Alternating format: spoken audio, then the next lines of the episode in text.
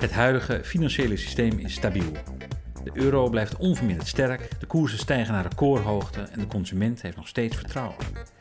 Hoe lang gaat deze gelukzalige periode nog duren? Sander Boon heeft zo zijn bedenkingen. Vooral de grote rol van de overheid in ons leven baart hem zorgen. Ja, die overheid heeft natuurlijk de afgelopen decennia uh, steeds meer verantwoordelijkheden naar zich toegetrokken. Uh, en die verantwoordelijkheid, bijvoorbeeld in de zorg, of met, met, met onderwijs. Uh, er staat een opdracht in, in, in bijvoorbeeld in de Nederlandse grondwet van, van het zorgen voor, voor cultuur, voor werkgelegenheid, een, een fatsoenlijk dak boven je hoofd, gezondheid, onderwijs. Het zijn allerlei opdrachten die, die die overheid naar zichzelf heeft toegetrokken. En die daarmee inderdaad verantwoordelijkheid bij mensen heeft weggehaald, zodat mensen een vrij leven kunnen hebben en, en, en kunnen werken. En ehm, ja, in, in, in vrijheid, dat, dat is het idee daaraan, ehm, mooie dingen kunnen doen. Maar goed, uiteindelijk. Op zich geen raar idee. Nee, dat, een mooie gedachte. Dat is een hele mooie gedachte, maar het moet natuurlijk wel kunnen worden betaald. En dat is nu uiteindelijk waar we volgens mij met z'n allen achter komen. Het is een heel mooi idee, maar het, het is economisch inefficiënt en misschien uiteindelijk niet betaalbaar.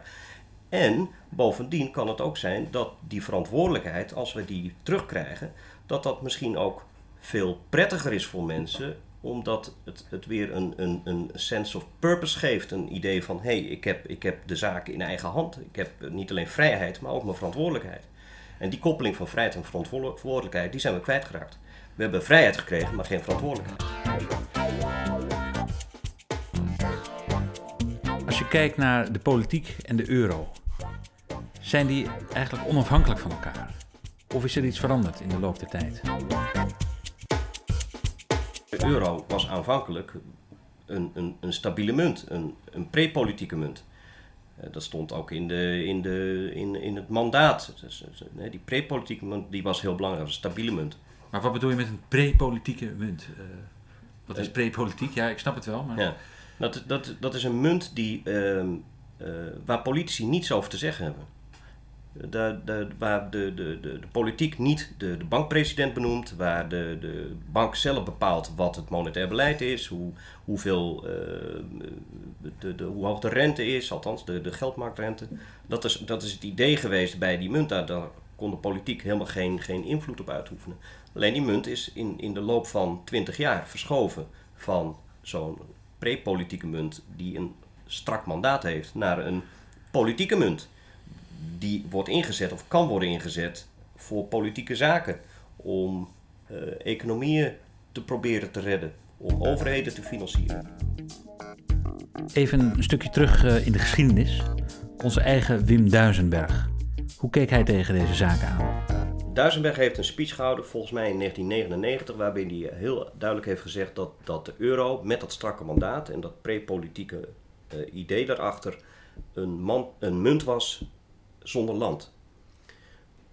Er zat geen uh, uh, begrotingsbeleid achter. Het was puur de, de munt die stabiel moest blijven. En in die speech zei hij dat dat ook heel goed was. En landen die deelnamen aan de euro zouden via hun eigen beleid, hun begrotingsbeleid, de boel op orde moeten houden. En daar zijn ze ook voor ingehuurd. Punt is alleen, dat is gebleken uh, in de loop der jaren, dat die landen, met name in het zuiden, daar een stukje minder goed mee omgingen en uiteindelijk gered moesten worden. Het was natuurlijk niet alleen die landen deden, de, de, de, die profiteerden daar heel erg van, van die euro, maar ook eh, de, de, de banken daar en, en, en het bedrijfsleven daar en de consumenten daar. Maar goed, er werd wel geprofiteerd en uiteindelijk heeft dat een crisis opgeleverd. Maar dat had niet gehoeven als zij dat idee van let op je eigen begrotingstekort en je, je monetaire of je eigen uh, fiscale beleid, dat je dat goed op orde had gehouden.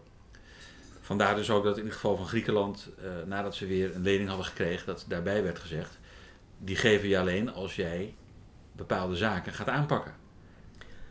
Ja, en dat is natuurlijk, het eigen, dat is natuurlijk terecht. Eigenlijk, wat had moeten gebeuren, die euro die is ingevoerd en het idee was: Zuid-Europa zou Duits worden.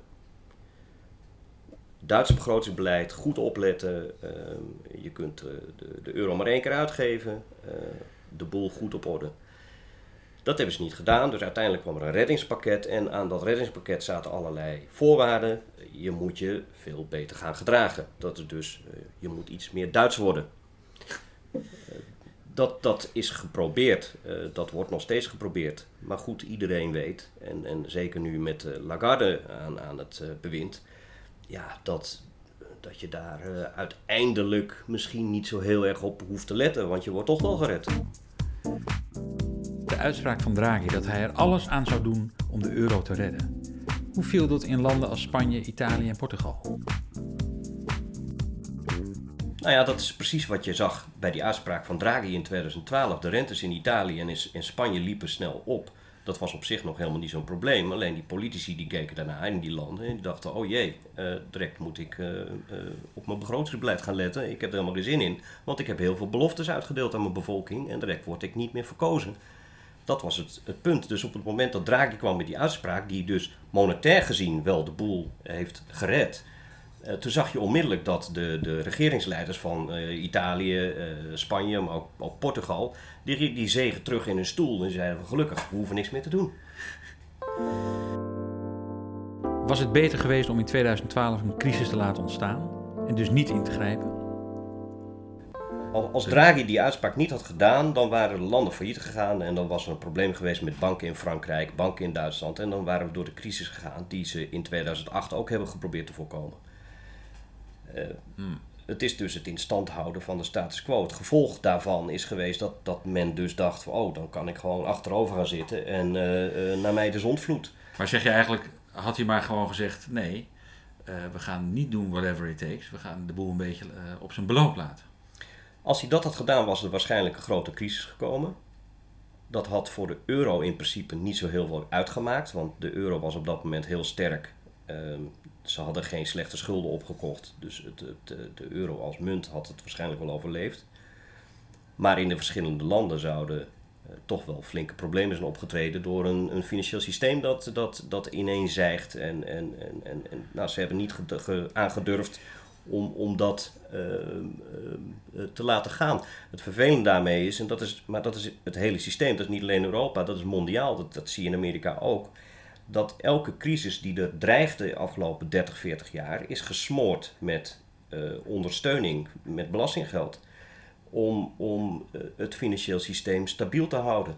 En zo is er een gijzeling ontstaan tussen, tussen de, de, de, de, het, financieel systeem en uh, en, en overheden die houden elkaar eigenlijk in een, in, een, in een soort wurggreep. De overheid mag niet ten onder, want dan gaat het financieel systeem en vice versa. Maar goed, als, als je daardoor geen crisis meer hebt, dan ontaart dit uiteindelijk in een systeemcrisis. Tot zover publicist en politicoloog Sander Boon over de rol van de overheid in ons leven, de onafhankelijkheid van de euro en de gevolgen van het tot het uiterste voorkomen van een crisis. Tot de volgende keer.